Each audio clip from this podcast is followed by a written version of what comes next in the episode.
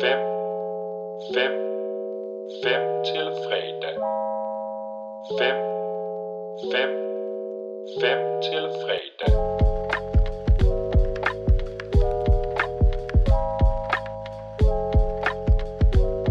Joachim, jeg tror, vi har stået og snakket i en halv time nu, så jeg er glad for, at du endelig har trykket optag, fordi vi skal altså i gang med den her øh, episode af Movie Podcast, hvor vi er nået til kronologien. Øh, Nu I krono- kronologien, altså vi, vi har et afsnit i dag, der hedder 5 til fredag, og det er 5 til fredag nummer 12. Har vi kun lavet 12 af dem her? Jeg troede faktisk, vi havde flere 5 til fredag. Så vi havde jo det der maraton i sommer, hvor vi kom med måske 120 filmanbefalinger, så det kan derfor det Åh, kan oh, ja, måske vores være, være, at, øh, sommer, svedige sommerguide, tror ja. Ja. jeg, den hed. Det var fint. Nå, 12. 5 til fredag, og sidder man derude og lytter til Movie Podcast, og har ikke lige helt opdaget, hvad 5 til fredag betyder, jamen så er det jo simpelthen der, hvor vi laver vores øh, klassiske top 5 lister. Det kan være fem anbefalinger, men det plejer som regel at være en topliste over fem bedste film fra en udvalgt instruktør, fem bedste film fra en udvalgt skuespiller, eller et eller andet top 5 bedste. Ja. Det er jo altid sjovt at rangere noget, og så er der nogen, der bliver sure, og nogen, der bliver rigtig og glade. det giver os nogle flere kliks, og så, ja, Ja, det er hele, måde pla- er det hele planen. Ja. Altså, det er totalt tilrettelagt, det her, hvad vi ønsker. Sidst vi havde en top 5, der snakkede vi jo altså om de fem bedste Nicolas Cage-film. En det er rigtig ikke så fed langt, det er ikke så episode. lang tid siden. Nej, han var jo aktuel med Pick, og vi fik kåret de øh, fem bedste Nicolas Cage-film. Jeg synes, det var en ret fed episode. Vi havde jo vores kollega Jarl Mengers med os, i hvert fald på en måde. Øh, han, øh, han vores sande Nicolas Cage-ekspert. Den kan man hoppe tilbage og høre, og noget, man også kan hoppe tilbage og høre, det var jo altså i sidste uge, hvor vi havde en episode 21 af vores standard-episode. Nu skal man ikke blive forvirret af de her mærkelige kronologier. Vi arbejder bare med forskellige formater, fordi sådan er det nu sjovest engang. Der anmeldte vi The Batman, Parallelle Mødre, The Adam Project, Nyt fra Pixar og en hulens masse andet, som vi jo altid plejer at gøre.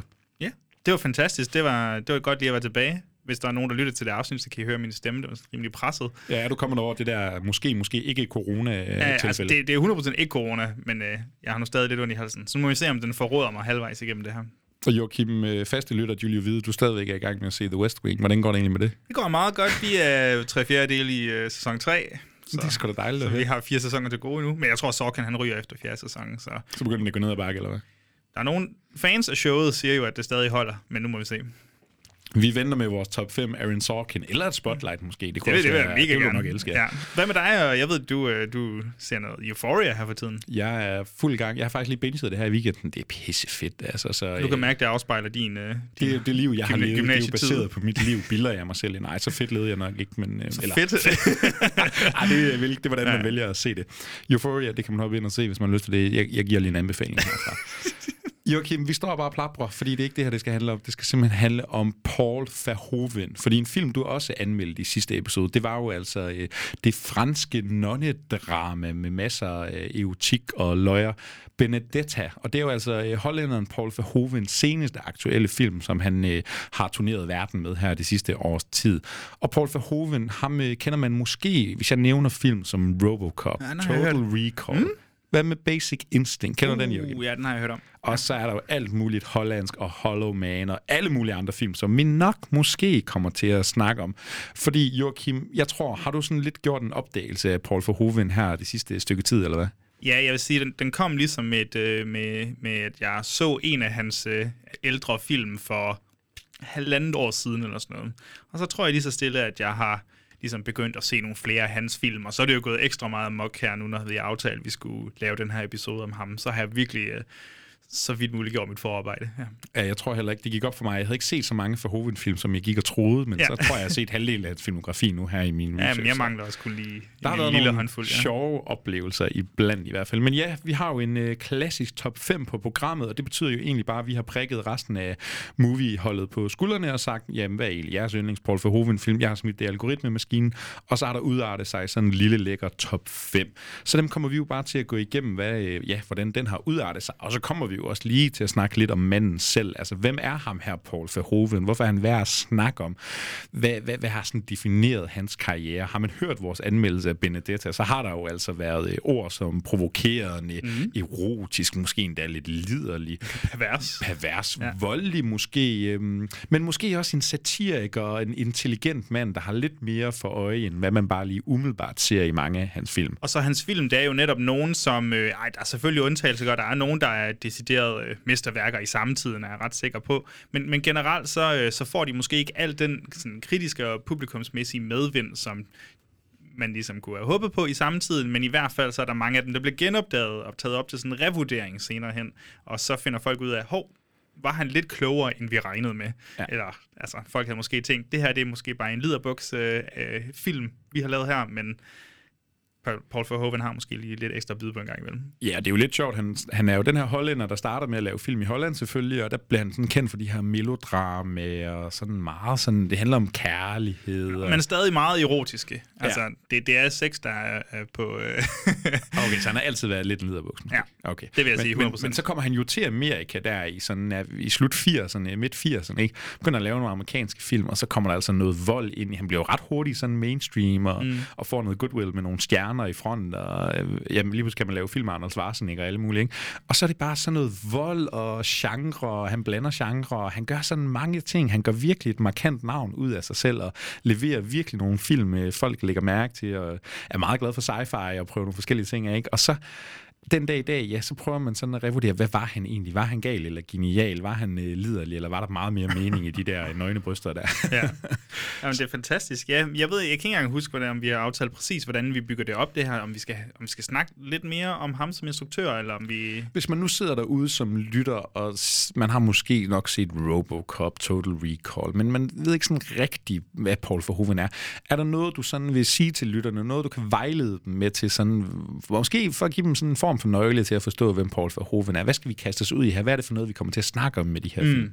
Altså, jeg tror lige, lige hurtigt om, hvem han er øh, så, som menneske. Så voksede han jo op under ja, krigen, 2. verdenskrig i Holland og på en tysk base, så der var en masse øh, bombe, bombeaktioner, bombardement, øh, mens han levede der. Så han så også en masse død og krig og ødelæggelse. Samtidig har han også i sit liv nogle sådan noget religiøst inden over sig. Jeg ved ikke, om han er dybt troende, det tvivler jeg på, men jeg ved, at han i hvert fald har behandlet religion på en eller anden måde i sit liv. Han har jo skrevet en længere øh, Jesus-bog, faktisk. Okay. Øh, mens han som, holdt en pause som fra forfatter, eller hvad? Ja, med, med en anden, og så sådan en, en, så vidt jeg har forstået, en non-fiction bog, altså en, simpelthen en udlægning af Jesus liv, uden de her øhm, uforklarlige, overnaturlige øh, okay. ting, fordi dem var der ikke øh, belæg for. Så han har lavet en, du ved, sådan en rent faktuel udlægning af hans øh, liv. Han har ikke lige skruet lidt op for erotikken og volden, eller hvad?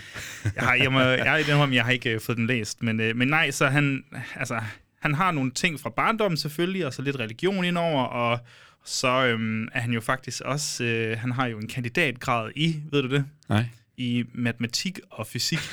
Det er ikke det, man tænker, når man måske lige ser hans film. Sådan umiddelbart, umiddelbart ikke. Selvfølgelig nej. er der science fiction indover, men, men, men, men i den her grad, det ved jeg sgu ikke lige, om, øh, om der er noget der. Øh, men så, nej, altså, så, så var han jo i, i Holland til at starte med selvfølgelig, lavet en... Øh, lavet noget militærfilm, som han, som han vandt nogle priser for, altså øh, dokumentar, vel at mærke. Og så gik han over til at lave noget tv også, og han mødte ligesom Rodger Hauer derimellem, og så fik han lov til at lave en spillefilm, blandt andet den her uh, Turkish Delight. Ja, som bliver hans store gennembrud, ja, ikke? Altså. nomineret til Oscar i, uh, ja, altså for bedste udlandske film. Øhm, og så blev han selvfølgelig lidt i Holland endnu, og jeg tror, folk har kaldt ham sådan noget som en, uh, en uh, one-man Dutch movie industry. Ja. Og altså, han blev hyldet til mange priser og sådan noget. Man, ved, kunne, man kunne altid finde ham til priserne. Hvor ja. mange hollandske instruktører du ellers kan nævne. Jeg tror ikke, jeg sådan lige umiddelbart kan komme i tanke om Nej, det er et ondt spørgsmål, det der, for jeg går helt i, helt i sort lige nu. Jeg kunne læse mig til, at han var vist nummer 87 på uh, top 100 over de vigtigste hollænder nogensinde. Det er fedt. Det er fandme fedt. ja, der er altså et par Ajax-spillere, Vincent van Gogh. Ja. Ikke? og jeg tror også, at Turkish Delight blev øh, kaldt den vigtigste film i Holland øh, i det 20. århundrede, må det være. Ja. ja, og vi kommer måske til en film senere, som er øh, kåret til sådan, den vigtigste hollandske film nogensinde, den bedste nogensinde ved nogen. Øh, det, der var i hvert fald nogle lister, der kom i spil der, men den øh, kommer vi fedt. jo nok til. Fedt, fedt, fedt. Ja, og så, øh, og så på et tidspunkt, så, som det ofte er med de her europæiske instruktører, så åbner der sig en mulighed for at komme til, til det forjættede land.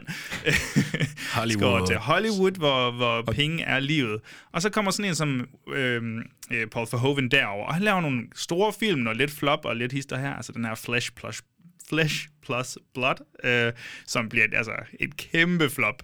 Øh, men, men han formår simpelthen stadig at blive der, og så laver alle de her klassikere, vi kender. Men Ja, det er men hvordan finder han sig til rette i Ja, Hollywood? præcis? Og Hvad laver han der? Det er altid spændende, når man tager det der, når, når europæeren kommer til Amerika, ikke? fordi man vil jo sådan ubevidst eller helt bevidst tage noget af den der sådan europæiske, hvad skal vi sige, sensibiliteter. Det er bare lidt mere frigjort det artistiske visioner ofte, der kommer ind i nogle studiesystemer, og så skal man jo tage nogle kampe med nogle producer, der gerne vil have det på en bestemt måde og appellere til et specifikt publikum osv. Og, og når man hedder Paul Verhoeven, så har man altså et ego og nogle ting at gøre, eller nogle måder at gøre tingene på, ikke? og måske ikke så bramfri som alle mulige andre Nej, nej, men, men han har et eller andet skjold, eller så er han slibrig, eller sådan noget. Det er som om, han formår at lave film på de præmisser, han bliver givet. Altså, han, han, han blomstrer på en eller anden måde i Hollywood, samtidig med, at han under neden kan snige en kæmpe kritik ind af, ja, altså om det er kapitalisme, eller fascisme, eller militæret, eller erotik, mænd, kvinder, kønsroller, sex, vold, alt muligt. Han kan få det hele ind under, uden, uden han ligesom bliver smidt ud derfra, ja. uden folk opdager det. Ja. Det er fantastisk. Han, han har en eller anden måde for en det her snuskede B-film exploitation, hvad end det er, han laver med noget decideret underholdende og noget, som publikum alligevel kan se et eller andet kunstnerisk Ja, og det er jo, måske. han har, altså læser man op om hans film, og vi kommer nok også til at snakke om det, som vi går det igennem, ikke? men han er jo en mand, der har taget mange kampe, men på en eller anden måde virker det til, at det altid er lykkes ham mere eller mindre at få sin sådan vision Mere eller mindre. igennem. Ja. ja, jo, visionen er i hvert fald kommet Ja. igennem. Om folk så har været klar til den vision, Ja, er måske et spørgsmål, og det er så taget op til revurdering senere. Ja, og det skal jo sige, at han er 83 år den dag i dag, så det er altså ved at være en, øh, en mand i sin sene efterår. Men så laver han en film som Benedetta. Han er jo aktuelt gået ind på hans IMDb, jamen, så har han en 3-4 projekter i støbeskeden, støbeskeen her, som kommer de næste år. Ikke? Altså, så det er jo virkelig også en mand med sådan med noget slagkraft i sig. Ikke? Altså, han er sgu ikke parat til bare at sidde den ud og sætte sig på bænken, og så må de andre tage over. Han vil, nu laver han nok mere film i Europa. Ikke? Jeg tror ikke, det store Hollywood-comeback står for Nej, døren, det tror jeg heller ikke. Desværre. Han vil gerne, altså sådan som den amerikanske filmindustri er i dag, der er ikke så meget sex og nøgenhed i alligevel, så jeg tror, han bliver nødt til at ty til Frankrig og, og Forestil Europa. dig, hvis den næste Batman-film, den er instrueret af Paul Verhoeven, eller Ved du en hvad, anden hold kæft, they, they got me good, man. Hold nu kæft. så øh, tror jeg, vi får noget helt særligt at snakke om. Det bliver ikke øh, superhelte, vi nok kommer til at snakke om i dag, men vi har i hvert fald en masse anden, anden Paul Verhoeven øh, på, på programmet. Og Joachim, er der mere, vi skal have sagt om den her hollandske mand, eller skal vi bare kaste os ud i en femte plads? In every age, there is a cause worth fighting for. But in the future, the greatest threat to our survival will not be man at all.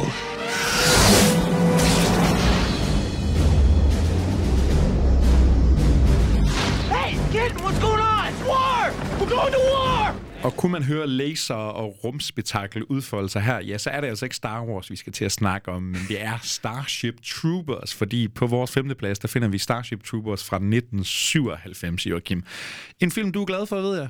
Ved du det? Ja, Ja, Den det, er også fuldstændig rigtigt. Den har jo 25 års jubilæum i år. Der er faktisk mange af hans film, der har jubilæer i år. Altså Starship Troopers har 25 år. Vi altså, kommer nok til at snakke om øh, yderligere film, der har Ja, jeg øh, tror, der er en, der har 35 40 og års 40 jubilæum. års. Ja. ja. Så, øh, så det, det, det er super fint. Øh, vi har jo før, Mikkel i hvert fald i privaten, snakket om at lave sådan et handshake-afsnit, som vi har fået inspiro- inspiration fra fra en anden podcast, sådan, hvor vi snakker om film, der har dannet os, altså både som mennesker og så fil- filmmennesker, og, og nogle film, der simpelthen har betydet meget for os.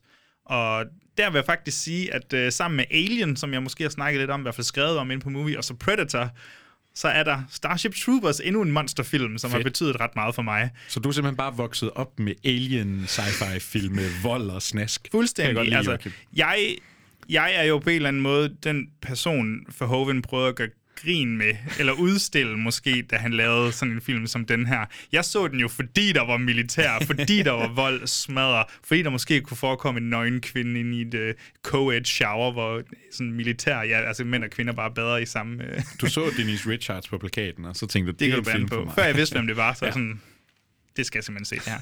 Så øh, nej, jeg knus elsker den her som Knight. Vi snakker om 13 år eller 13 år i eller sådan noget. Den kom på TV3 Plus en eller anden aften. Og så, du ved, ventede jeg bare på, at det skulle komme igen, så jeg kunne få lov, at se, lov til at se den. Øh, og så har jeg så genset den op til det her, vil jeg sige. Og den holder bare fuldstændig. og jeg tror måske, jeg elsker den mere, fordi nu forstår jeg, hvad der ligger under neden. Ikke? Ja. Ja. Hvad, hvad, med dig? Jamen, jeg, øh, jeg så den også sådan øh, første gang, jeg var 12-13 år. Jeg kan huske, jeg gik i folkeskolen med en. Han elskede den her film. Han spolede altid nøgenscenerne over, når de skulle i bad. og så tænkte jeg, du, har ikke forstået, hvordan man ser film, Marker. Men øh, nok om det. Jeg, øh, jeg har også genset den her. Det er ikke mere end, øh, jeg har ikke set den i, ja, siden de der 12-13 år, så genser jeg den. Og havde også en ret god fest med den her. Det er jo også sådan lidt et, øh, et spøjt cast, ikke? Man har ham her, Kasper Van Dien, sådan en rigtig 90'er øh, flødedreng. Og så ja, Denise Richards, og der dukker også en Neil Patrick Harris op, og Ja, ja, lidt forskellige kendte ansigter. Michael Ironside, der også bliver en genganger hos øh, Verhoeven, ja. Men ja, den er jo sjov, fordi den spiller så meget på nogle, ja, nærmest Star Wars-agtige troper, ikke? Og den er jo let at gå til at sige, det er bare et uh, rumspektakel, det her, det er bare action genre, hold kæft, hvor er det åndssvagt alt sammen. Men samtidig, det er bare det militær forha- forherligelse. Det Ja. er Den er så våbenliderlig, den er så krigsliderlig. konservativs drøm, men man kan bare se måden, det er filmet på, og måden, det er skruet sammen på, at Verhoeven, han faktisk kritiserer nærmest det amerikanske militær, og de måske fas- fascistiske, ja, propagandistiske tendenser, der kan være der. Ja, jeg elsker, hvordan de der propagandavideoer, de bare Ja, men kører det er på så repeat. grineren. Og det er sådan lidt, hvis du ser de der propagandavideoer, og ikke kan gennemskue, at det her, det er altså en mand, Ja. der tager noget pis på hele, ja, propagandamaskinen og alt, hvad der hedder militær udøvelse, så har du altså ikke kigget helt efter. Men ja, samtidig så formår den jo, altså, så er det jo skide godt, at han stadig kan danne det her bånd og lave nogle stærke karakterer, man faktisk holder med. Øh, og man føler, der sker jo ikke så meget i starten, udover at de bare går på high school eller et eller andet nærmest college og er på vej til Ja, og kan vi, universitet. kan vi snakke om det? Det er ret fedt, hvordan Ja. den uh, kombinerer sådan et high school drama. Ikke? Altså, der er jo sådan nogle interne konflikter mellem de her relativt unge mennesker, hvor det er bare sådan nogle totalt perifide ting om sådan, hvem er sammen med hvem, hvem er Ja. kærester, og hvorfor tager du min dame, og hvorfor kigger du på hende og, og ham og sådan, ikke? Og så bliver det bare sådan noget Dawson's Creek High School oppe på den her rumstation, hvor der er masse ædende monstre Ja. og skuddueller og det ene og det andet. Ikke? Det- det er simpelthen fantastisk, en hvordan det er skruet sammen. Det- genre-kombination. Ja, og det kunne jeg næsten ikke huske, faktisk, da jeg tænkte, altså, før jeg genså den her, jeg kunne næsten ikke huske sådan, når jeg tænkte tilbage på den, at der var så meget high school involveret i starten. Det går jo 40-45 minutter, ja. Ja. før den sådan egentlig kommer rigtig i gang. Og det er bare fantastisk, hvordan en, en eller anden persons matematikkarakter, det betyder, om han kommer ned i infantry, og så bare Ja. bliver nakket til at starte med, eller om du faktisk kan få lov til at være strategiker, eller pilot, eller et eller andet. Og hvad synes du så som øh, sådan, hvad skal vi sige, sci-fi film i forhold til effekter og de her monstre og sådan noget? Synes du, det holder med tiden? Nu ved jeg, at du har... Har du set den i 4K? Har du en lækker Nej, nej, nej, nej. nej. Den, er, den, måske den er på ude. Disney Plus, faktisk. Okay, yes. øh, i en OK kvalitet. Jeg vil sige, det er vildt, hvor godt den holder for mig, selvom ja. at effekterne er lidt, lidt dateret. Jamen, og ved du hvad, jeg køber den lidt ekstra godt på grund af, at det er sådan lidt det her sådan barnlige high school univers. Fuldstændig. Så det er som om de der monstre, som ser sådan lidt tegnefilmsagtige ud nogle gange, eller sådan lidt, lidt, dår- lidt sjovt animeret, Ja, ja. Pixar-animeret-agtige, de, øh, de passer sådan ind i universet. Altså, der kan tilgive den ret meget. Ja, og så kommer der så også nogle fede effekter mod slutningen især, altså med nogle, nogle nye monstre, der ligesom bliver vist og sådan noget. Så, så jeg synes, den har stadig lidt at byde på i, i det henseende, men stadig en lille smule dateret, men igen, og det kommer måske også til at snakke om mere, ikke? Men, men der er også generelt sådan en campy tone, mm, sådan en. B-films tone, ikke? Og,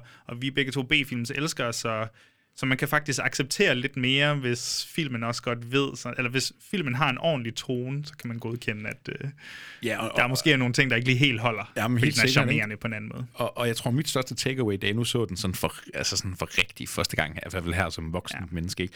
Øhm, mit største takeaway, det var det der sådan, hvor er det egentlig utroligt, at den har skabt kontroverser, ting, der har været så meget sådan tvivl ja. om dens budskab og sådan noget. Jeg synes, det står rimelig soleklart, klart, hvor sådan useriøst den på en eller anden måde er. Altså, ja, det, det er sjovt, hvordan Paul, Verho- Paul Verhoeven, han kan stikke, han kan provokere Ja. så let, ikke? Altså, Det, det, må, det må være, at voksne mennesker i USA har samme sådan mentalitet som mig, da jeg var 12-13 år. Altså, det siger, jeg fattede jo ikke, hvad der foregik i den film, da jeg Nej. var 12-13 år. Det må åbenbart repræsentere USA eller sådan noget. der Så, er i hvert fald øh, våben og lækre mennesker, og ja. det er jo nok for mange. Ja. og børn, der bare skal ud som foder i militæret. For, ja. Nå, Vi lukker snakken om uh, Storm Starship Troopers, undskyld, og så hopper vi videre til en fjerde plads. J'ai quelque chose à vous dire. Ah, J'ai été agressée chez moi. En vrai? Et tu vas bien? Un Piper Isaac. Très bien.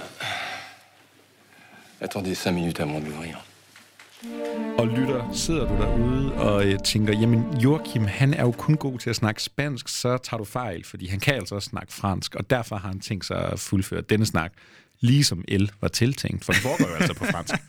Hvad er der med ham, Paul Verhoeven? Han laver franske film i Italien med Benedetta. Nu laver han en fransk film med, med L, og han har jo også lavet både hollandsk og amerikansk. En øh, rigtig globetrotter. Ja, han er en verdensmand, og det, det kan jeg kun have respekt for. Ja, L, en film, jeg så for øh, første gang igen for um, halvandet år siden, har jeg lyst til at sige.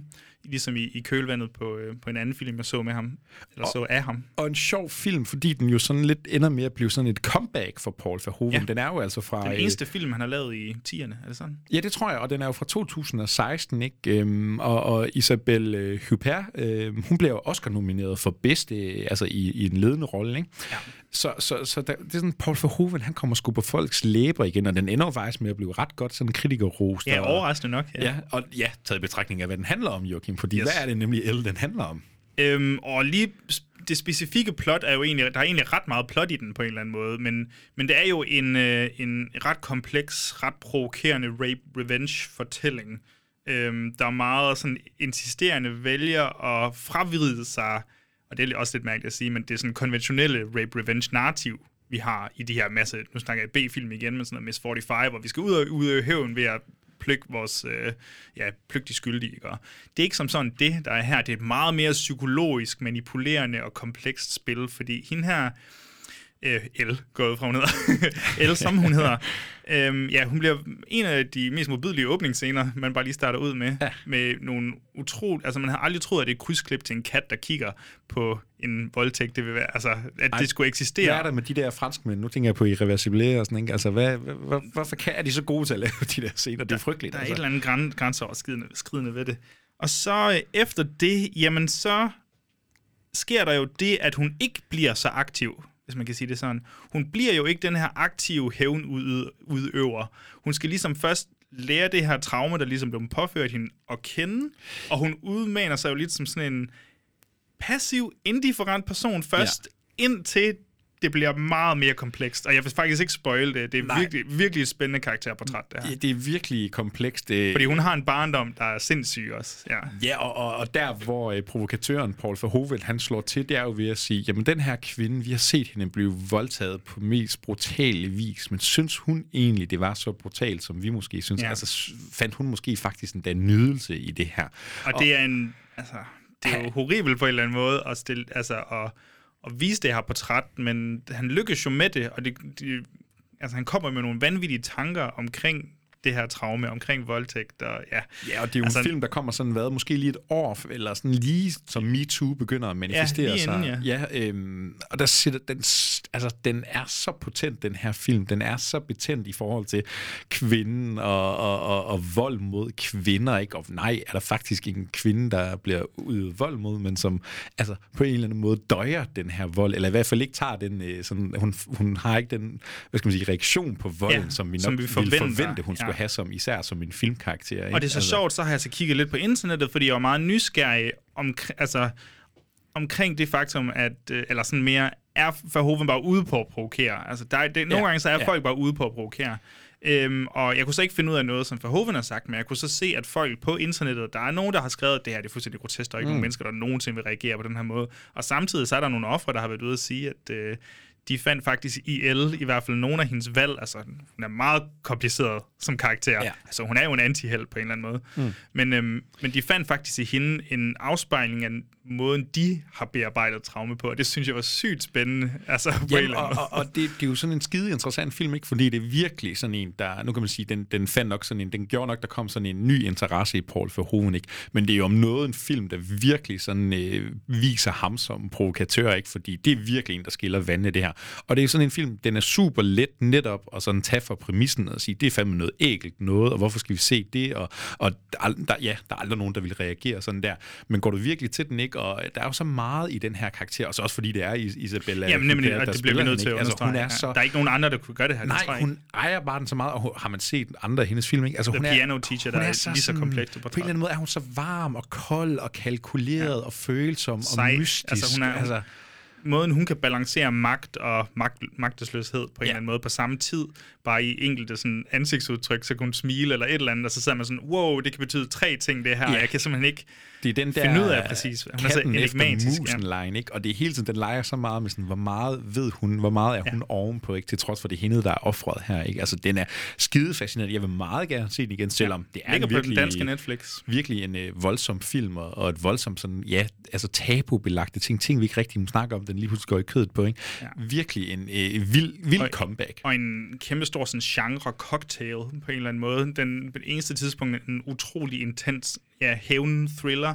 Andre tidspunkter kan den faktisk formå at blive sådan lidt hormonpotent, erotisk, og ja, det, han, han, er, han er virkelig god til at jonglere det. Nu snakker vi om Pedro Almodovar i sidste, Ja. ja. sidste afsnit her, men, men der er stadig der er et eller andet af det samme over, over ham. Det der med, at han kan jonglere nogle meget erotiske tanker, måske melodramatiske, lidt groteske, med noget B-films øh, spænding, eller Hitchcock-spænding. eller Ja, og det er også sådan en, man... det er Meget sådan- interessant. Jeg vil sige, det er nok den film, hvis jeg virkelig sådan skulle opsummere Paul Verhoeven, det er, sådan, det er kun ham, der kunne lave den her. Altså, jeg kan ikke forestille mig andre mennesker. Altså, jeg, jeg tænker, en anden kunne godt have lavet Stormship Troopers, ikke? Altså, Starship, ja. Starship.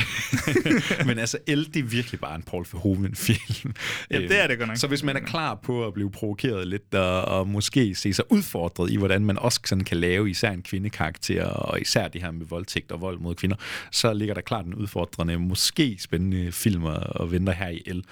Joachim, jeg øh, tænker, nu har vi fået en femte og en fjerde plads, men det kan være, at vi lige skal snakke sådan lidt mere om øh, Paul Verhoeven og hvem han i virkeligheden er. I do think the film is misogynistic. It doesn't like women, does it? Oh, I love women. It, you, I, you must be wrong. No, come on. I mean, oh, they- I, I'm a big there's- fan there's a- of women. It's, You've got a date rape in there. I What? mean, no, there's a date rape in there. Surely nobody who loves women has oh, well, goes that's in a date chara- rape. it, Yes, there is a date rape, but that doesn't mean. Yeah, but that's strange because that doesn't mean that I think that date rape is something to promote. I think the character of Nick Curran, who does this kind of date rape, it's kind of on the edge of being a date rape.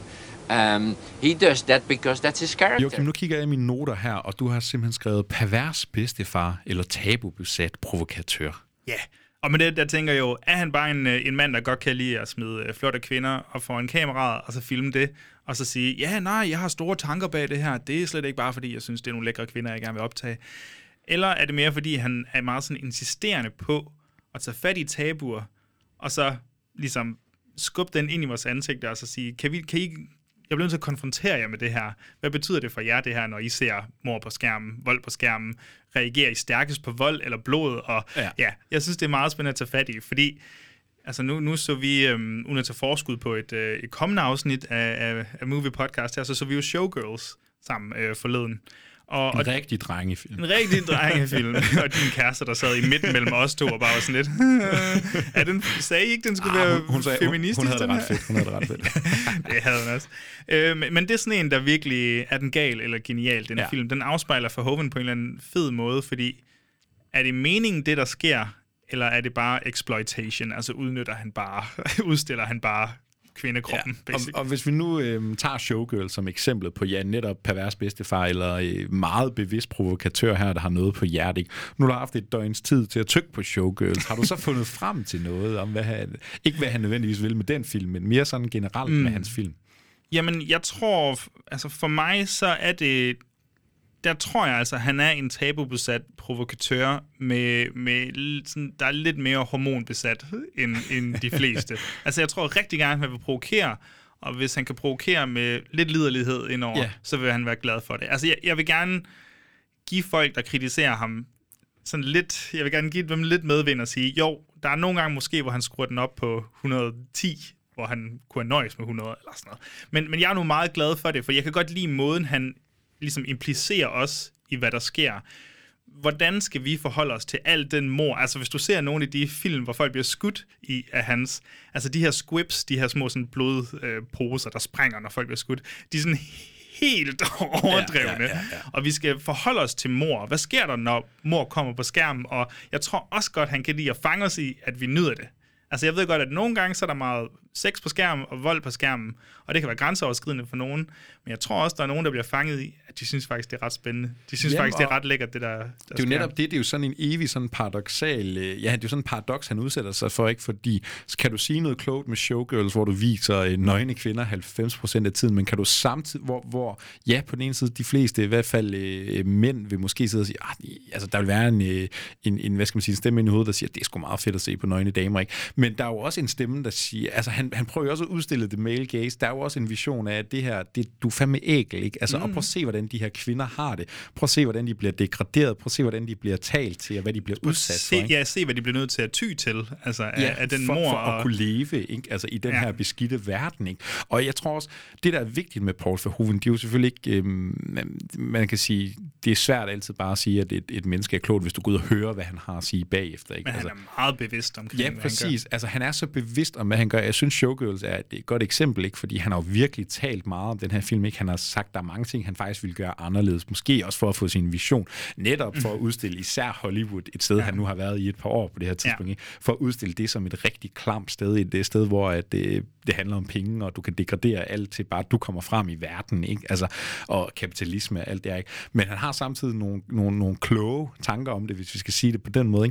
Ikke? Øhm, Jeg tror, jeg tror også især, øhm, altså noget, noget han kan provokere, og noget, det, det er vildt for mig, at han ikke er blevet fældet på en eller anden måde her i 2022, i, i den tid, vi lever i, hvor køn betyder så meget, og især kvindeportrætter. For igennem tiden har han virkelig lavet nogle svære, problematiske måske, quote-unquote, øh, kvindeportrætter, men samtidig, så, er, så tror jeg også, at han har en eller anden sådan insisteren på, at kvinden må også gerne være kompliceret. Vi må gerne lave nogle antihelte. Hvis du prøver at overveje, hvor mange af hans kvindelige karakterer, der egentlig er antihelte i stil med altså mandlige karakterer, vi har set, mm. igennem, set igennem hele Hollywoods tid. Altså.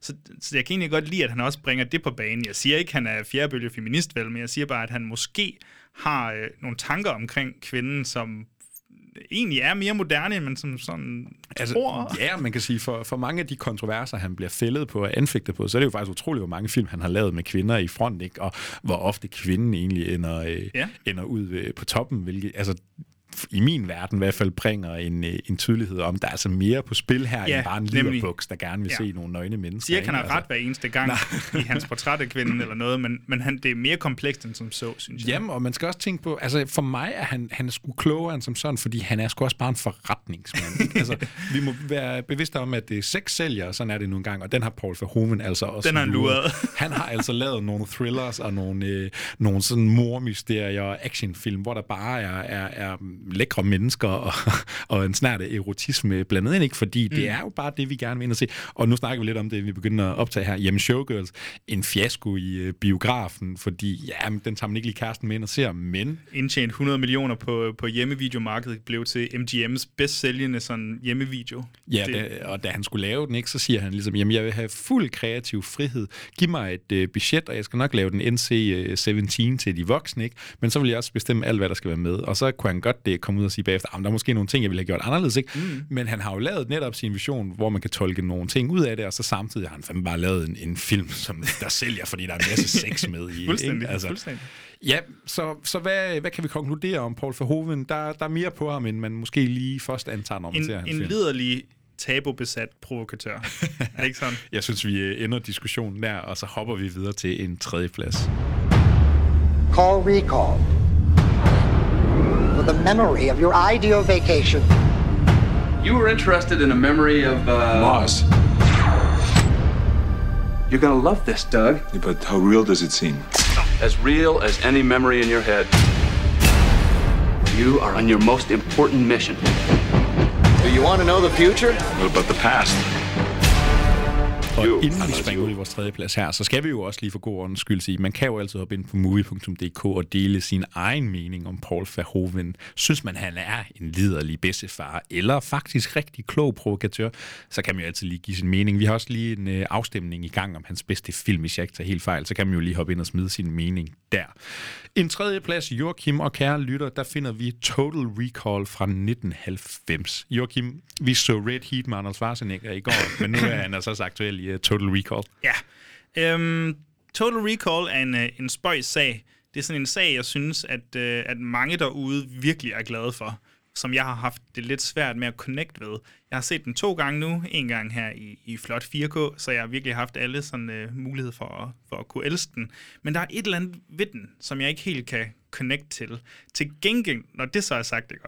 så er det en, nok en af de film, jeg har hørt flest, flest sådan forskellige mennesker snakke om det er en film, jeg elsker at lytte til andre mennesker snakke om med deres oplevelser omkring den, deres fortolkninger af den, og, og nogle af de behind-the-scenes øh, sådan, hændelser, der har været. Og hvad der nu, altså, det, det, det synes jeg er virkelig sjovt, og jeg elsker, at der er så mange mennesker, der elsker den, og ja. har lyst til at snakke om den. Det synes jeg er ret fedt. Og, og det er en film, der er let at elske. Ikke? Du har en uh, Anders Schwarzenegger i ja, nærmest sin prime. Jeg er lige her i 1990, ja, ikke? men ja, ja. han er jo større end nogensinde før. Og hvad handler det om? Han kommer ind i den her... Øh, det, ja, vi er jo i fremtiden, og han øh, lever lidt låst fast i et... Øh... Han er en everyday man. Yeah. Altså en hverdagsmand, gift med sådan en, du ved, en lidt kedelig kone, Sharon Stone. Yeah. Og så...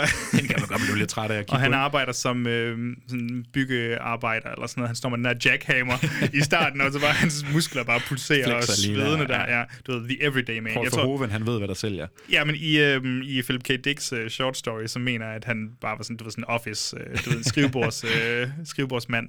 Men så har du Anders Muller, så måder. Så du bliver nok nødt til at gøre ham ja. til noget fysisk, noget manuelt. Så får han et tilbud om, at man kan komme ind i den her maskine, hvor du sådan kan leve frit ja. i din egen fantasi. Han vil, han vil altid gerne have tage til Mars, tror jeg. Du kan få drømmekvinde. Han har sådan nogle øh, drømme om Mars og en øh, kvinde. Han kunne godt tænke sig at udforske det lidt nærmere. Han kan simpelthen leve i sin frie fantasi. Men så går det simpelthen galt under den her indsprøjtning, han skal have den her ja. chip i hjernen. Fordi det, det så lige viser sig, nu tænker jeg ikke, det er en spoiler, det sker 10 minutter ind i filmen, og den er så gammel efterhånden. Jamen, jeg tænker også, folk var også lige komme i gang med at se den. Så. Ja. Ej, jeg skulle sige, jeg så den jo for første gang her for en uge Ja, ja, men...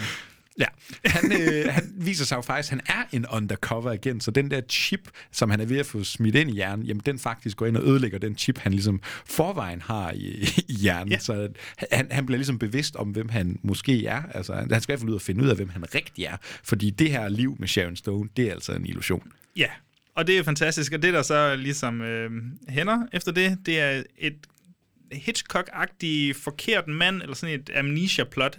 Øh, han skal ligesom finde ud af, hvem han egentlig er.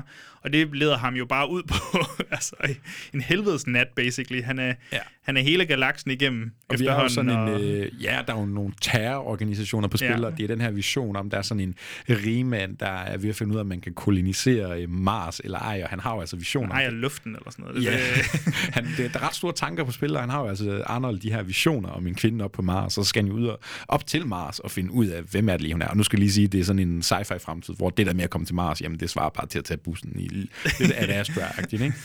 Total Recall, Arnold Schwarzenegger, en Paul Verhoeven, jeg mener, han må vel komme lige efter øh, en anden øh, sci-fi-klassiker, som vi måske kommer til senere på listen. Paul Verhoeven, han er i sin prime på det her tidspunkt, og nu har han altså en af verdens største stjerner i en ja. action-hovedrolle. Joachim, hvordan har du med den her film ellers? Jamen, jeg tror, øh, jeg, jeg synes virkelig, det er fedt, hvor, hvor for det første, hvor voldelig den er, for det andet, hvor helt åndssvagt karismatisk uh, Anders Schwarzenegger ja, i den her. Han er skidegod i den Han er fantastisk. Du ved, det er jo en kavalkade af one-liners, basically. Uh, consider, consider that a divorce. altså, ja, og de bliver bare ved hele tiden igennem. Og, og der på, um, på rulletrappen på et tidspunkt, hvor Arnold han ligesom tager en anden mand foran ham, øh, fordi der, han bliver skudt på, men hvordan den her mand bare bliver gennemhullet, ja. og blodet flyver bare i springvands, øh, altså en fontæne af blod, basically. Ja, det og det, det er de der squips, jeg snakkede om. Ja, altså, præcis. For helvede, de springer. Det er måske mig, der er naiv med det, jeg ved om Paul Verhoeven og de film, jeg nu engang har set, men den var på en eller anden måde mere voldelig, end jeg lige sådan havde regnet med. Altså også fordi det er den her Anders Schwarzenegger-film, og nu er det også ikke, fordi han ikke har lavet voldelige film.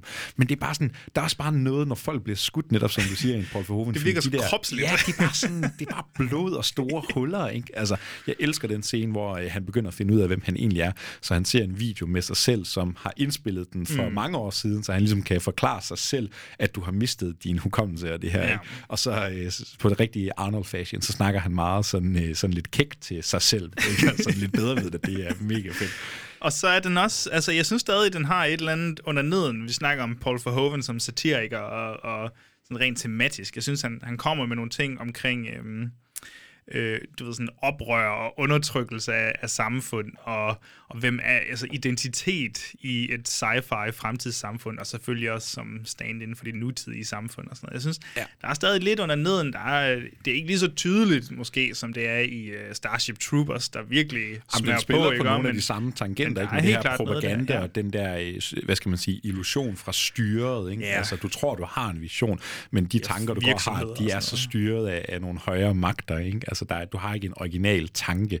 Og ja. det er vel også Michael Ironside igen som øh, en, skurk, ja. Altså, hvor, hvor godt et skurkeansigt har han, han den mand bare. Altså, han er bare altid fed.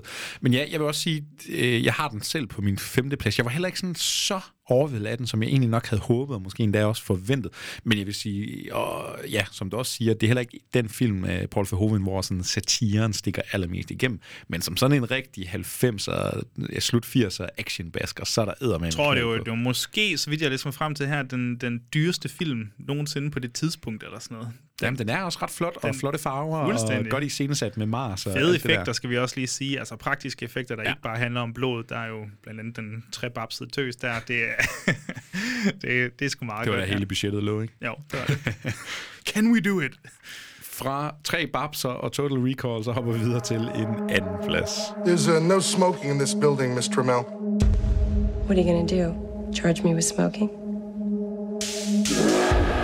Would you tell us the nature of your relationship with Mr. Boz? I had sex with him for about a year and a half. You didn't feel anything for him, you just had sex with him for your book. In the beginning. Then I got to like what he did for me. Did you kill Mr. Boz, Miss Trammell? No. You like playing games, don't you? Games are fun.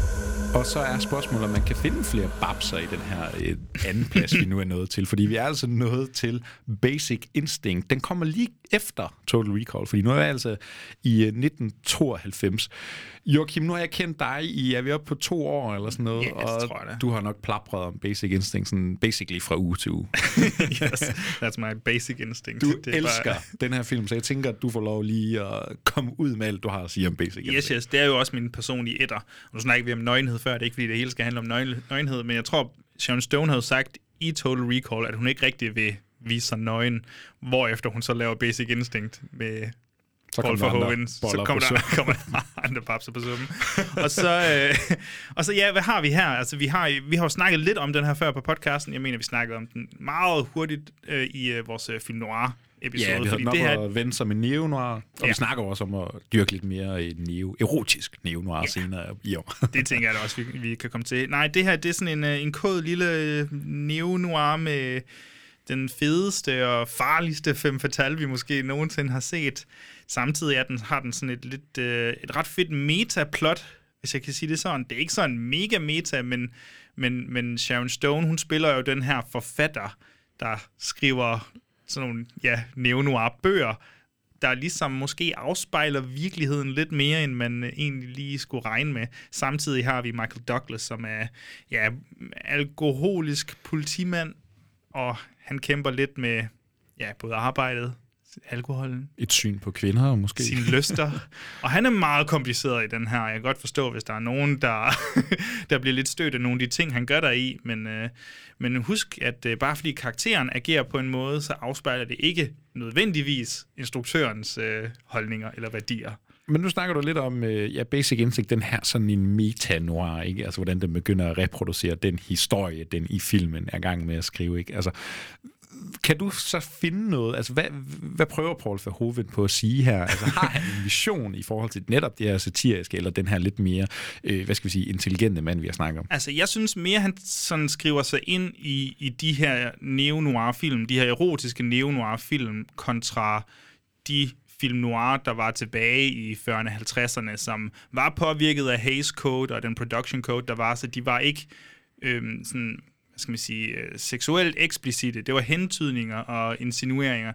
Øh, her synes jeg, han er i gang med at, at vende op og ned på film noiren, laver neo-noiren. Han øh, giver kvinden en mere fremtrædende rolle, øh, er villig til at vise kvinderne sådan lidt mere komplekse, lidt mere provokerende også, som de, altså det, mange af de kvinder, der er i, i film noir, jo, de kan godt være farlige og femme fatales, men de er stadig, du ved, skønne Og Sharon Stone er 100% skøn i den her, det er slet ikke det, men hun er også farlig og, og provokerende på mange punkter. Så jeg synes, han er i gang med at omskrive øh, det, i hvert fald kvindens narrativ, narrativ ja. i, i, i film noir. Der er klart en kommentar på den der fem fatal, ikke? Fordi Michael Douglas, han bliver også sådan i flere scener nærmest patetisk, ikke? Altså, ja. Det er ham, der hele tiden vil hende. Det er ham, der hele tiden vender tilbage til hende, fordi han er så, ja, besat både af mysteriet, fordi det er jo det, han skal opklare, men han er så besat af den her kvinde, og især de ting, øh, hun kan gøre ved ham, ikke mindst.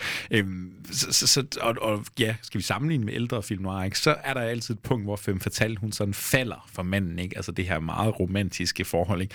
Men ja, der, han, han tweaker den skulle lige, og så siger han, nej, nej, det er kvinden her. Hun har fuldstændig styr på sit øh, Og han holder her. den fra første sekund til sidste sekund i den her film, og det er fantastisk. Hvad er din yndlingsscene i Basic Instinct? Det er nok øh, åbningsscenen, hvor der er en blondine, der vrider sig fuldstændig i, øh, i ekstase, mens hun har sex med en mand, hvor efter hun finder The Ice Pick frem og fuldstændig smadrer ham. En fuldstændig legendarisk åbningsscene. Har du set den der dokumentarserie, Don't, Ja, Fuck, Don't with, Fuck Cats? with Cats, ja. ja. Er man interesseret i Basic Instinct, så også lige give den et kig, fordi så ser man på jeg en eller anden måde jeg bliver nødt til lige at kontekstualisere. Det, det er bare fordi, det er så overdrevet måden, øh, person, blondinen, vrider sig på i ekstase. Altså, det ser simpelthen så griner ud. Det er jo ren showgirls nede i poolen. ja, fuldstændig. Ej, det, ja, og igen, også bare lige nævne, ikke? jo, det er altid let at gå til en, eller det er ikke nødvendigvis let, men du kan altid gå til en Paul Verhoeven og tage de der briller på. Er det bare ren sådan sleaziness og øh, udstilling og dårlig smag, eller er der noget på spil her? Men man skal også bare lige huske, det er også bare pisse underholdende. Det er mega Det er underholdende. godt mysterie, det er fede præstationer. Jamen, se, hvordan der er den en er masse på spil. Ikke? Ja, den er bare skide godt skrevet. Den var jo også nomineret for bedste musik af Jerry Goldsmith, og vist også for øh, redigering, tror jeg ikke. Mm, Men altså, der, der er bare, det er bare Jerry en god film. Hans musik er fænomenal i den her. Jeg lytter til det så meget, og samtidig er den bare fotograferet fuldstændig perfekt, og den foregår vist, så vidt jeg husker, i San Francisco. Endnu en klassisk noirby. Ja, der med er de her fede kantede, huse, de bor i, især Sharon det er jo de her, hus. du ved, den her sådan topografien, vej, vejnettet, der er jo bare lagt ned over kæmpe bakker. Og det giver de her naturlige skæve vinkler, mm. som om, at hele byen bare i sig selv er, ja, forkert. Den, den, stemmer. den er simpelthen ikke lige, der er noget forkert her. Så det, det, er, det er en klassisk noirby, og, og det synes jeg spiller endnu mere ind i, at, at Verhoeven han er i gang med at omskrive noget her. Joachim, vi har kun en øh, førsteplads tilbage, men inden vi tager den, og de fleste har muligvis regnet ud, hvad der ligger og gemmer sig her, så synes jeg lige, vi tager en breaker, og så skal vi lige snakke om boblerne, dem der ikke kom med på vores top 5 her. To Versace. It's Versace. What? Versace. It's pronounced Versace. Oh. Og jeg skal altså lov for, at jeg synes, jeg har gjort mit... Øh, jeg har i hvert fald forsøgt at gøre mit arbejde for at få set noget Paul Verhoeven-film og give sådan en, øh, en rig. Så jeg kan ikke give en reel top 5 for, hvad der faktisk er det bedste her. Men Joachim, jeg ved, du har fandme givet den gas, fordi du har også været helt nede og grave i noget af det tidlige hollandske og alt muligt andet spændende. Ja. Så hvis vi nu kigger på nogle af de film, der ikke kom med på listen her, så tænker jeg, at vi starter der, hvor det startede. Vi starter simpelthen med hans karriere i Holland. Fordi Joachim, hvis jeg ikke tager fejl, så har du set Turkish Delight og The Fourth Man, blandt andet. Ja, det var de to, jeg kunne øh, få set. Øhm, startede med Turkish Delight. Og, øhm, og jeg kan godt forstå, hvorfor at den betyder så meget. Den handler jo om øhm, en kunstner, så vidt Rodger Hauer spiller en kunstner, der indleder et forhold med en kvinde. Og de har et meget komplekst forhold, øhm, der handler meget om erotik, sex, og de skændes ret meget. Øh, og så er det ellers bare sådan en, hvor man følger deres forhold. Plottet er lidt, du ved, det er lidt, kommer lidt i anden række, og så ellers følger man bare det. Men, men måden, den er skruet sammen på, den har sådan lidt en sjov narrativ opbygning, der leger lidt med det hele. Øhm, så, så den kan noget på nogle punkter, men jeg kunne simpelthen ikke connect med den. Det var så spøjst. Og hvad med Rutger Hauer? Det er jo, øh, nu er vi i 1973, og de laver jo Flesh Plus Blood. Hvorfor kan man ikke sige det? Flesh, Flesh Plus Plus Blood i øh, 1985, tror jeg, vi er i. Ja. Skinner øh, Rutger Hauer igennem her? Er han en Ja, superstjerne? men han er, han er, jeg ved ikke, om han er decideret superstjerne, men han er den, den der, der bare kommer ud af det blå, sådan en, du ved, af, en, en a force to be reckoned with. Han, han kommer bare, og så skal man tage stilling til ham, og han fylder så meget i den her film, går nøgen rundt nærmest i første scene, og så må du ligesom finde ud af, hvad han er for en type. Ja. Øh, mega provokerende er han også, og skide irriterende, men, men også ret charmerende, som, som det nu også ofte er med de her typer. Ja. Og så The Fourth Man. Jeg er ikke helt inde i, men er vi ude i noget thriller, lidt gyser-agtigt her? De er i Basic Instinct-territorie, men med lidt sådan sci-fi noter ind over sig. Eller, der, der er sådan lidt noget unaturligt ved det, noget overnaturligt hedder det nok. Jeg har set plakaten, den er ret fed, synes jeg. Den er ret fed. Øhm, den handler om en forfatter, mener jeg, han er, som ligesom skal ud og tale ved en, nogen, der hylder ham. Og han begynder, han begynder simpelthen at blive fucked i hovedet, for at sige det mildt. Får nogle syner, forestiller sig nogle ting. Der er, det er selvfølgelig nogle erotiske øh, syner, nogle religiøse syner. Er der måske endda noget homoerotisk ind over det her? Det må man finde ud af, når man ser filmen. Og så er der den her kvinde, assistent for, for øhm, det sted, hun ligesom skal, han skal holde den her tale. Og de begynder ligesom at indlede et forhold, og opstår der jalousi og lidt forskelligt. Ja. Det, er en, det er en meget spøjs film. Den var mega fed. Den, den, vil, jeg, den vil jeg anbefale alle, hvis man kan, man kan opstå den. Den skal man hellere se en uh, Turkish Delight måske, eller hvad? Man skal nok se dem begge, fordi Turkish Delight betyder nok mere for hollandsk filmhistorie, mm. men, men sådan underholdningsværdien, den er, den er fandme høj på The Fourth Man. Det, det er for Hoven før Hollywood. Fedt. Og så laver han jo, øh, ja, så kommer han jo til Amerika senere her og øh, laver en hel masse derover. Men så vender han jo altså hjem igen, og i 2008 kommer han med den film, der hedder Black Book, en uh, to og en halv times nazi 2. verdenskrigs fortælling. Nazi-exploitation. Om en, uh, en uh, jødisk kvinde, der går undercover hos nazisterne og ja, skal modarbejde dem indefra. Jeg var lidt inde på det i starten, men den er simpelthen den er jo den bedst sælgende hollandske film nogensinde. Det, det var en kæmpe succes i biografen, den her. Den er uh, højt holdt som en af de bedste, hvis ikke den bedste hollandske film nogensinde. Og i hovedrollen, der har vi, hvad hedder hun? Caris van Houten. Ja, fra kendt Game of fra Thrones, Game of ja. Thrones blandt andet, og øh, så dukker der nogle sådan tyske, hollandske opsigter og ansigter op øh, hen ad vejen. Joachim, har du, du fik også set den her i Jeg din fik også øh, set research. den, og det er jeg meget glad for. Jeg var afsindig glad for den her film. Overraskede mig virkelig. Jeg, jeg, jeg ved ikke, hvorfor jeg havde bildt mig selv ind, at Nå, det må være Verhoeven, hvor han skruer lidt ned for Verhoeven. Yeah.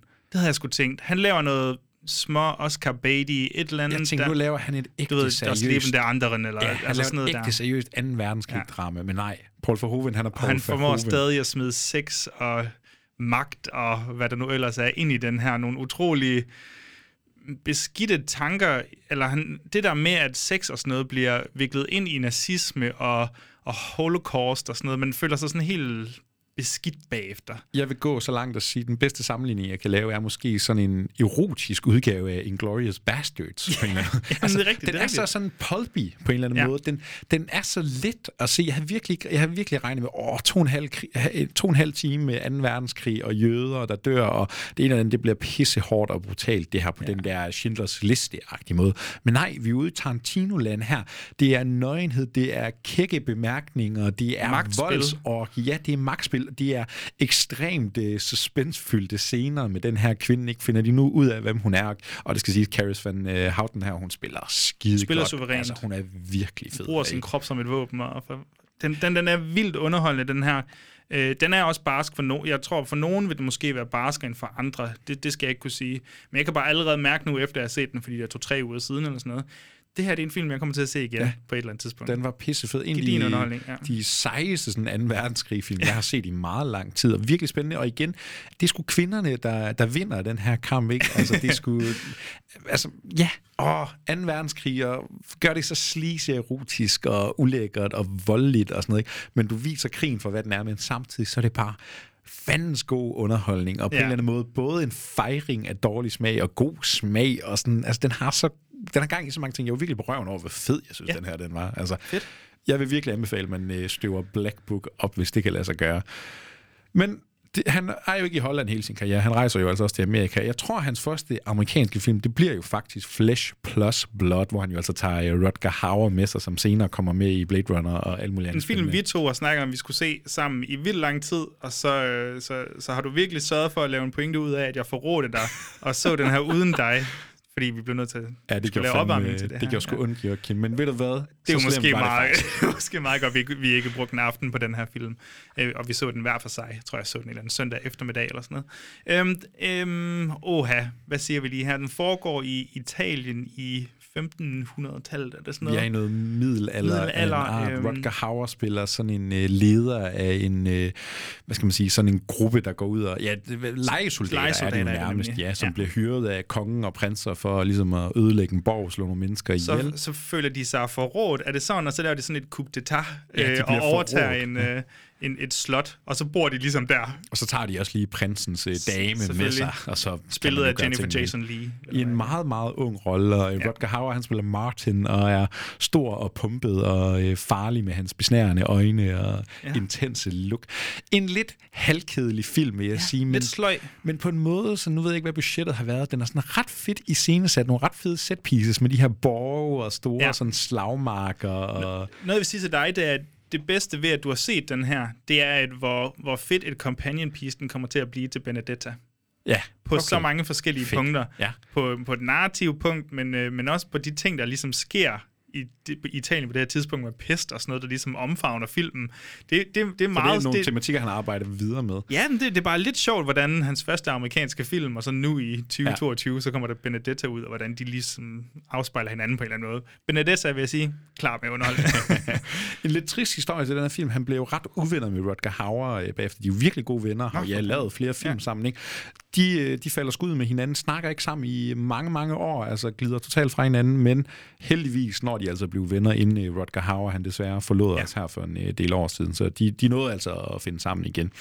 Flesh plus Blood, Turkish Delight, The Fourth Man, Black Book. Gjorde du der andre opdagelser med Paul Verhoeven? Det gør, jeg bliver simpelthen nødt til at nævne det. Og det her, det kunne godt være en af de kontroversielle måske. Det ved jeg ikke. Jeg ved ikke, om den har fået lige så stor øhm, øhm, reprise eller revurdering. Øhm, men Hollow Man med Kevin Bacon.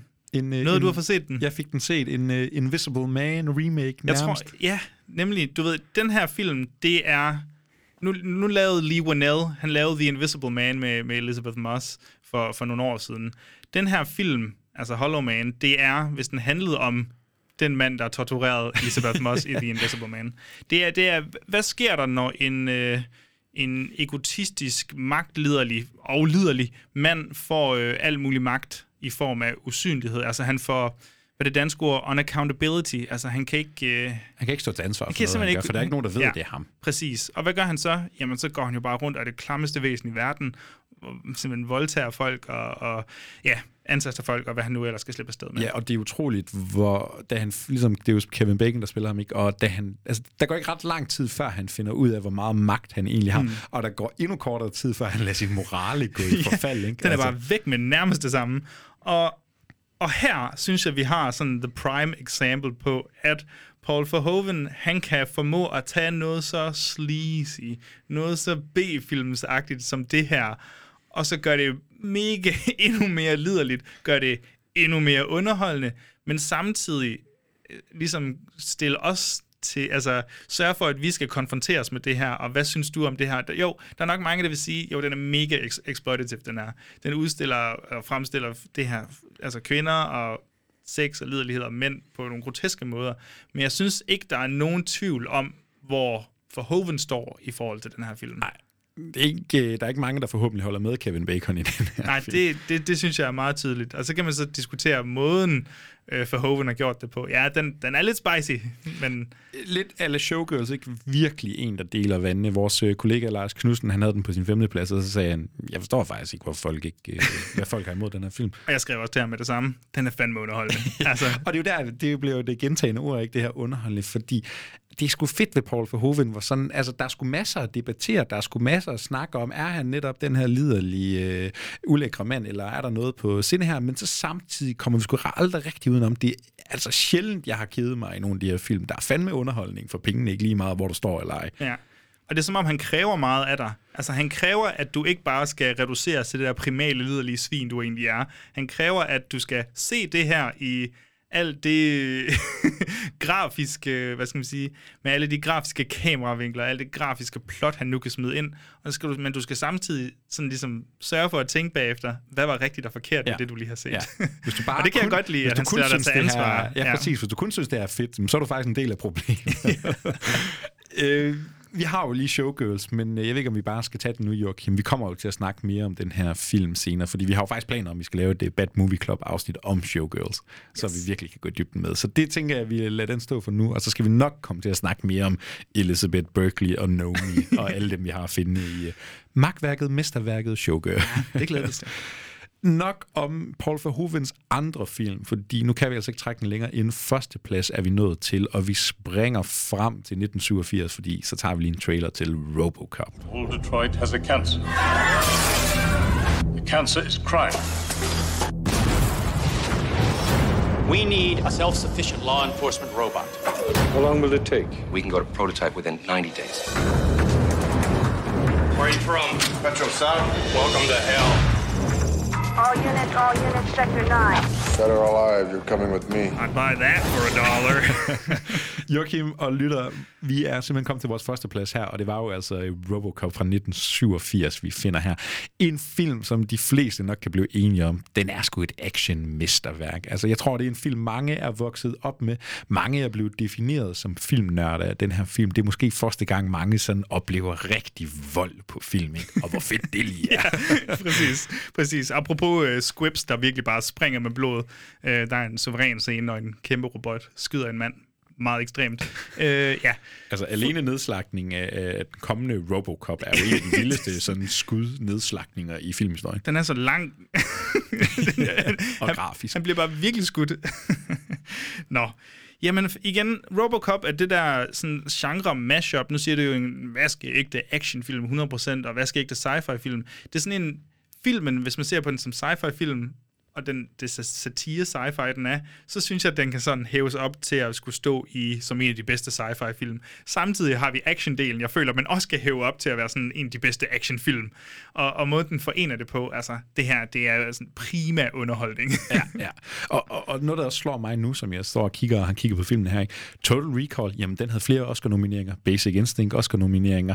Øh, L, Oscar-nomineret. Robocop, fucking Oscar-nomineret. Tror ja. du nogensinde en film som Robocop, den kunne blive Oscar-nomineret den det dag kan i den dag, jo godt, altså. når... Nå, okay, ja, i dag, den dag i dag. Ja, ja hvor sygt altså, er det? kom et remake, blev det også nomineret, spørger Ah, det var da ikke ret mange, der snakker om, var det? Men, øh, men jeg tænker, at noget, noget, mange, meget af det, som, øh, som, eller det, som Oscar-nomineringerne kommer på, det er jo nok Rob Bottin's øh, special effects, hans praktiske effekter, der ligesom kommer ind over, tænker jeg. Jeg vil afsløre for dig, han er faktisk ikke... Det var bedste lyd og bedste redigering. Okay, så vi er ude i nogle tekniske aspekter, men det er mere Men, den men, der... men Total det, Recall i hvert fald.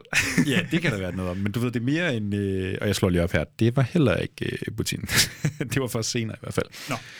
Anyways, det der bare er fedt er visionen for, at de her film, de faktisk sådan... Altså, tænk, at den her type film, de kan blive Oscar nomineret. Jamen, jeg kan, jeg kan se tvivlen i det øje, men det var for senere, de fandt nogle Special Achievement Awards frem til dem. Okay, på den måde.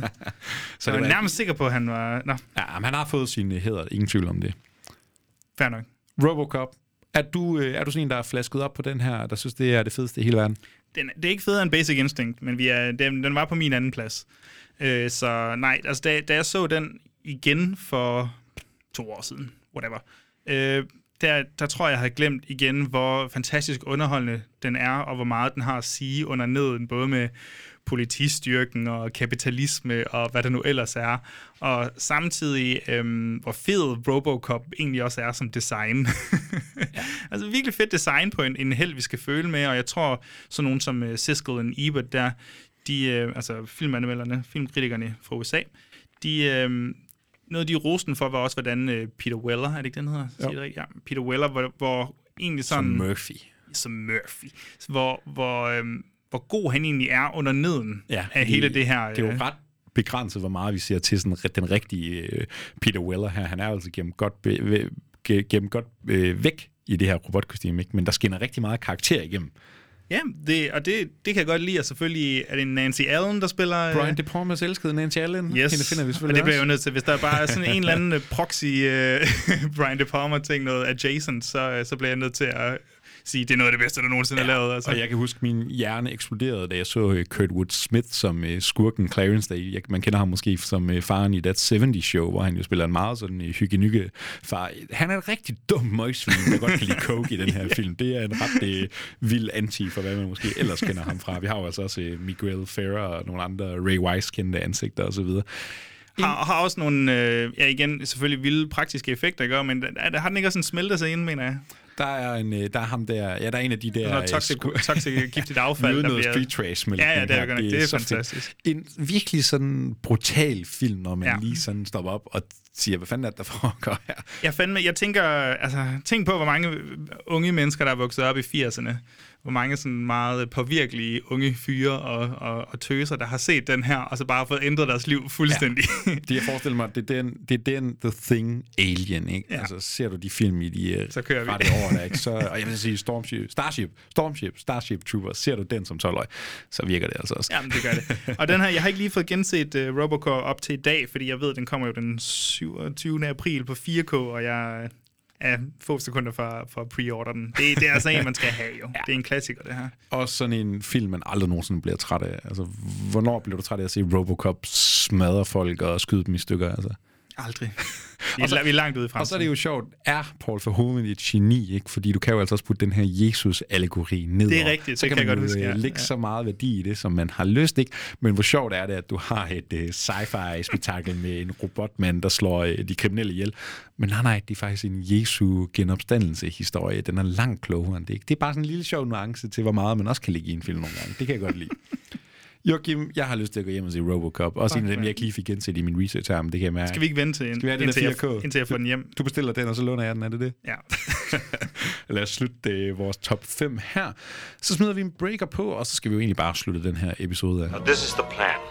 Get your ass to Mars. Og er man stadigvæk i tvivl om, hvor man skal starte, eller fortsætte, eller afslutte med Paul Verhoeven, jamen så kan vi jo lige gå det igennem for god ordens skyld. På en femteplads, der fandt vi altså Starship Troopers med Joachims elskede Denise Richards. Hende bliver man jo heller aldrig træt af. En fjerdeplads, der fandt vi den provokerende L fra 2016, og så hoppede vi altså videre til 1990, fordi på en tredjeplads, der lå Total Recall med en stor pumpet Arnold Schwarzenegger og Sharon Stone. Og Sharon Stone, jamen hende finder man da sanden også på vores anden plads med den erotiske neo-noir Basic Instinct. Det var din første plads, Jørgen. Det var min første plads. Hvad var din første plads? Jamen, det var min, min første plads, det var nemlig den, vi kommer til, fordi det var Robocop, som Ja, vi altså også har på Movies officielle top 5 her. Synes du, nu kunne man godt mærke på vores Nicolas Cage-afsnit i hvert fald, at, øh, at, at movie-besætningen var primært mænd. Hvad, hvordan synes du om øh, fordelingen her? Jamen, jeg synes faktisk, øh, det, jeg, jeg, jeg har faktisk alle dem her med. Jeg har faktisk Starship Troopers nede på en 6. plads. Den var mm. Altså på vores 5. plads. Fordi på en 3. plads, jamen der har jeg altså Black Book. Jeg var virkelig ja. fornøjet over den her film. Med dig? Jeg tror, jeg havde Black Book på femtepladsen, Ja. ja. fordi jeg nåede jo at se Benedetta. Og jeg, Ja. ved godt, jeg vidste jo, jeg skrev også til dig, at nu smider jeg den altså ind på min rangering, selvom jeg er den eneste, hvis der havde noget at se den. Så Jeg kan afsløre, lige nu så du- ligger Benedetta på min fjerde plads. Her, Du er den eneste, der har Benedetta på din liste, men hvis du har den på en fjerde plads, så gør det kun mig mere interesseret i at se den. Ja. Og nu har vi også ikke Benedetta med her, men man kan altid hoppe tilbage og høre Joachims anmeldelse i øh, Jeg tænker, når du får set den, så må vi lige tage en lille 5 minutters øh, sekvens, hvor, du, øh, hvor vi lige kan vente den, tænker jeg. det, øh, det må vi tage med. Joachim, det var vores top 5. Paul Verhoeven. Er du færdig med Paul Verhoeven? Skal du hjem og se Robocop Basic Instinct måske, eller have bestilt Jeg tror noget? aldrig, jeg bliver færdig med Verhoeven. Jeg tror, jeg skal set nogle af de hollandske, den der hedder Spetters, øh, som jeg har læst skulle være en eller anden Grease eller Saturday Night Fever, men bare med utrolig meget sex og erotik i stedet for. Så det, det er jeg virkelig interesseret i at tjekke ud. Og så de der andre hollandske film, sådan noget som Soldier of Orange, en anden, øh, anden verdenskrigsfilm, som man også har lavet, en, der skulle være rigtig solid. Så nej, jeg er langt fra færdig med Verhoeven. Hvad med dig? Jamen, jeg skal klart have set noget af det hollandske. Det har jeg jo altså stadigvæk til gode. Og så får du heller ikke lov til at blive helt færdig, fordi vi skal jo altså snakke showgirls før eller senere. Og det glæder jeg mig sindssygt meget til. Fik vi, øh, fik vi svaret på, om Verhoeven var gal eller genial? Pervers bedstefar? Men han jeg, jeg, jeg tror, at konklusionen øh, det må være lidt af det hele. Lidt af det hele. Så øh, ja, ud og finde noget øh, Paul Verhoeven. Man kan jo starte med en af vores fem film, eller så øh, skal man jo bare se Hollow Man. eller Black Book. Der er mange steder at starte. Joachim, hvad kan man som lytter forvente af Movie Podcast i den kommende tid? Hvad har vi på programmet? Jamen, du afslørede lige, at der var showgirls på vej, eller det gjorde vi tidligere i afsnittet, og det glæder vi os meget, meget til. Og så ved jeg, at du allerede har dine billetter hjemme til øh, Paul Thomas Andersons øh, Licorice Pizza, er det sådan? Jeg elsker lakridspizza, så den skal vi selvfølgelig øh, have en snak om, fordi vi kommer jo altså til at lave endnu en top 5. Dem kan vi ikke få nok af, så øh, vi skal have kåret Paul Thomas Andersons top 5. Det bliver spændende at se. Det er jeg faktisk lidt i tvivl om, at min personlige top 5 er lige det, jeg står og siger det her. Så det, det glæder jeg mig til at finde ud af i hvert fald. Og så har vi også noget, øh, så kommer der Oscar-show på et eller andet tidspunkt. Uh, vi skal lige finde ud af, hvordan vi sætter det op. Ja. Vores, uh, vores afsnit om Oscar'en, prøv at sidder man derude og har en pissegod idé til, hvordan det skal gøres, så skriv endelig, fordi vi er lidt i tvivl om, hvordan vi ja, kommer til at gøre det her. bliver det rigtig meget arbejde, eller så bliver det mindre meget arbejde. det må vi finde ud af. Der er nok spændende i vente, og så tager vi det jo ellers bare, som det kommer. Hop endelig ind på movie.dk. Der er alle de der anmeldelser, nyheder, ting om podcasten, movie tv, alle de ting, man godt kan lide, de ligger jo stadigvæk derinde og venter på en. Og så kan man jo lige hoppe ind på iTunes, Spotify, give en rating, skriv en kommentar. Jeg kan se, at vi har fået lidt flere ratings. Det er jo bare dejligt. Dem kan vi altid bruge flere af, så øh, det gør jo bare, at vi kan sprede øh, movie podcast kærligheden. Så hop endelig ind og gør det, og så skal man jo bare finde sin første og bedste Paul Verhoeven film frem. Man kunne jo også se Showgirl, så er man ved at være klar til Bad Movie Club. Joachim, tusind tak for at fortælle mig og lytterne om Paul Verhoeven og hans øh, genialitet eller galerier. Ja, og tak fordi du gjorde det samme. Ikke mindst. Jamen, vi ses i næste episode. Vi ses, Mikkel. 5 til fredag. 5, 5, 5 til fredag.